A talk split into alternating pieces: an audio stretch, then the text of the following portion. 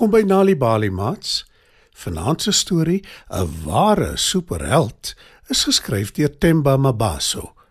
Skryf nader en spit julle oortjies. Daar was eendag 'n boetie en 'n sussie, Pieter en Trix, wat op 'n klein dorpie gebly het. Daar was nie ander dorpies in die omgewing nie. Pieter en Trix het graag mandjies gevleg uit gras. En wanneer hulle klaar is daarmee, gaan hulle in die bos in om vrugte te soek om in die mandjies te pak en huis toe te bring vir almal om te eet.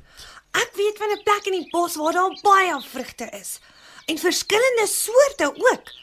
Volg my Pieter. Sê Trix op 'n dag nadat hulle elkeen 'n mandjie gevleg het en sy begin aanstap. Trix is lank en skraal. Sy beweeg vinnig tussen die bome en bosse deur. Pieter aan die ander kant is kort en hy is nie so rad soos sy sussie nie. Wag vir my. Roep Pieter. Hy sukkel om by te bly by sy suster. Hulle loop 'n hele ruk toe Trix gaan staan by 'n klomp vrugtebome voor hulle. Kyk daar Pieter. sien jy? Sê Trix en sy wys na die bome. Die takke hang swaar van die vrugte en Pieter kyk in verwondering. Die twee begin daarvan pluk en in hulle mandjies sit. Na 'n ruk hou Pieter op pluk en hy wys na 'n boom wat effens eenkant van die ander staan. Wat se boom is dit? Vra hy. Die boom is hoër as die ander en daar is een groot vrug aan die heel boonste tak. Ek wil dit hê. Ek het nog nooit so groot sappige vrug gesien nie. Roep Pieter, Dan sal ons in die boom moet klim. antwoord Trix. En dis presies wat die twee doen. Toe hulle heel bo in die boom sit op die hoogste tak, kyk hulle rond. Hulle soek die groot vrug wat hulle gesien het toe hulle onder die boom gestaan het. Daar's dit.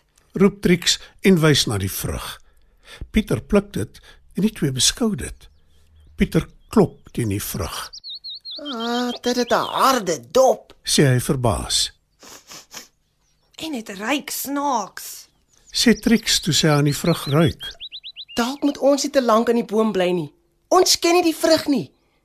Wie weet, miskien is daar een of ander wilde dier wat baie daarvan hou en dan keer hy ons hier vas.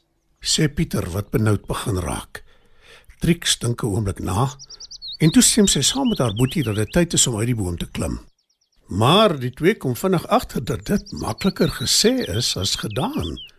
Opklim na die boonste tak toe was maklik, maar omdat die boom se stam glad is, is afklim heeltemal 'n ander storie. Ek dink ons is in die moeilikheid. Daar's nie behoorlike vasdrapplek nie. Ek het nou amper uit die boom geval en dis ver af grond toe. Sê Pieter. Trix is nou ook benoud en sy sê As ons uit die boom val en seer kry, is dit klaar praat met ons. En ons kan tog nie die hele tyd hier bly sit nie. Niemand weet ons is hier nie. As hulle ons begin soek, kry hulle ons dalk nie eers betyds nie. Die twee kyk groot oog na mekaar en wonder wat hulle te doen staan. Toe sê Pieter hoopvol, Miskien kom iemand hier verby met 'n leer. Dan kan ons afklim. maar terwyl hy dit sê, weet hy dat dit nie sommer sal gebeur nie. En Trix beamoed dit toe sy sê, Wie sal met 'n leer deur die bos loop, Pieter? Trix en Pieter is nou albei moedeloos. Hulle sit albei kliphard en dink aan 'n plan. Wat ons nodig het is 'n superheld om ons te red. Een wat kan vlieg en ons albei kan optel en uit die boom lig. Sê Pieter en kyk hoopvol in die lug asof hy regtig 'n superheld verwag. 'n Superheld. Rarig, Pieter. Lag Trix. Jy dink dalk nie so nie, maar hulle bestaan wel. Verdedig Pieter. Ag asseblief, moenie simpel wees nie. Raas Trix. Wel, het jy 'n beter idee? Vra Pieter. Trix skud haar kop. Die twee sit 'n hele ruk sonder om iets te sê. Elkeen probeer aan 'n oplossing dink om uit die boom te kom. Toeskielik hoor hulle 'n geluid tussen die bosse onder die boom. Dis die wilde dier wat sy vrug kom soek. Sê Pieter, nou eers benoud. Hy en Trix loer onder toe. Hulle is verlig om te sien dis nie 'n wilde dier nie, maar 'n vrou wat 'n bondel vuurmaakhout dra. Help! Roep Pieter. Sy kan ons nie help nie, Pieter. Soos jy kan sien, het sy nie 'n leer by haar nie. En hoe dink jy gaan sy in die boom klim, hè? sê Trix vies. Die ou vrou het Pieter hoor roep. Sy gaan staan en kyk op. Sy sien die twee kinders bo in die boom. Hoe op aarde het julle daar bo in die boom gekom? Vra sy verbaas en Pieter verduidelik. Opklim was maklik. Ons wou die vrug pluk. Maar nou kan ons nie afklim nie want die boom se stam is te glad. Kan jy ons dalk help? Die ou vrou kyk na die boom se stam. Sy skud haar kop en sê: Ai, tog. "Toe haal sy 'n lang stok uit haar bondel vuurmakhout en sit dit teen die boom se stam, soos 'n leer. Die stok is lank genoeg en Trix en Pieter kan dit bykom." Klim af. Sê die ou vrou. Pieter weifel nog, maar Trix klim dadelik teen die lang stok af. Toe, nou is dit jou beurt. Sê sy vir Pieter. Hy klim ook af en die twee is veilig op die grond. Baie baie dankie. Sê hulle gelyk. Hulle wys na hulle mandjies en Trix sê: Kry gerus vir jou van ons vrugte. Die ou vrou kyk na die mandjies. Toe hou sy haar hand uit en Pieter wat die vreemde vrug vashou, weet dadelik dis wat sy wil hê. Hy oorhandig die vreemde vrug waarvoor hulle hulle lewens gewaag het aan haar. Toe draai sy woordeloos om, vat haar bondel vuurmakhout en verdwyn in die bos. Daar gaan ons superheld. Sê Pieter. Trix dink 'n oomblik na en toe sê sy: Inderdaad. Ek glo nou ook aan superhelde. Nes jy? Die twee stap huis toe en hulle is dit eens dat hulle nooit weer in die boom met die gladde stam sal klim nie, want volgende keer is hulle dalk nie so gelukkig nie.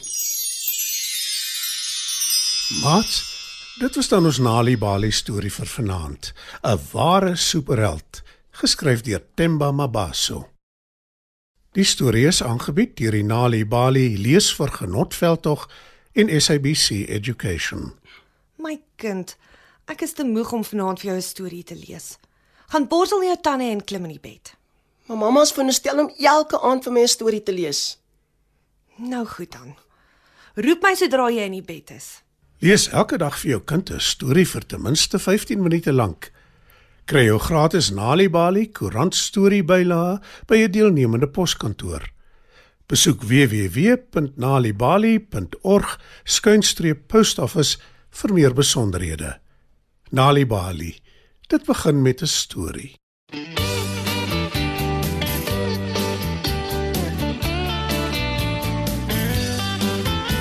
Jan Wilson had 'n kat wat die ou nie wou verlaat. Hy het alles geprobeer om die kat daar weg te keer, selfs na die predikant om raad van hom te kry. Die predikant die het gesê die kat moet daar bly. Maar die kat kom weer want hy wil nie langer wag. Die kat kom weer net die volgende dag. Die kat kom weer Glo vir my dis waar Die ander dae môre was die kat weer daar Hulle sit hom op 'n skip en hulle stuur hom na Ceylon Die skip die was gelaai met 'n 12000 ton. Nie ver van die land daar het die skip gesink. En al die matrose op die skip het verdrink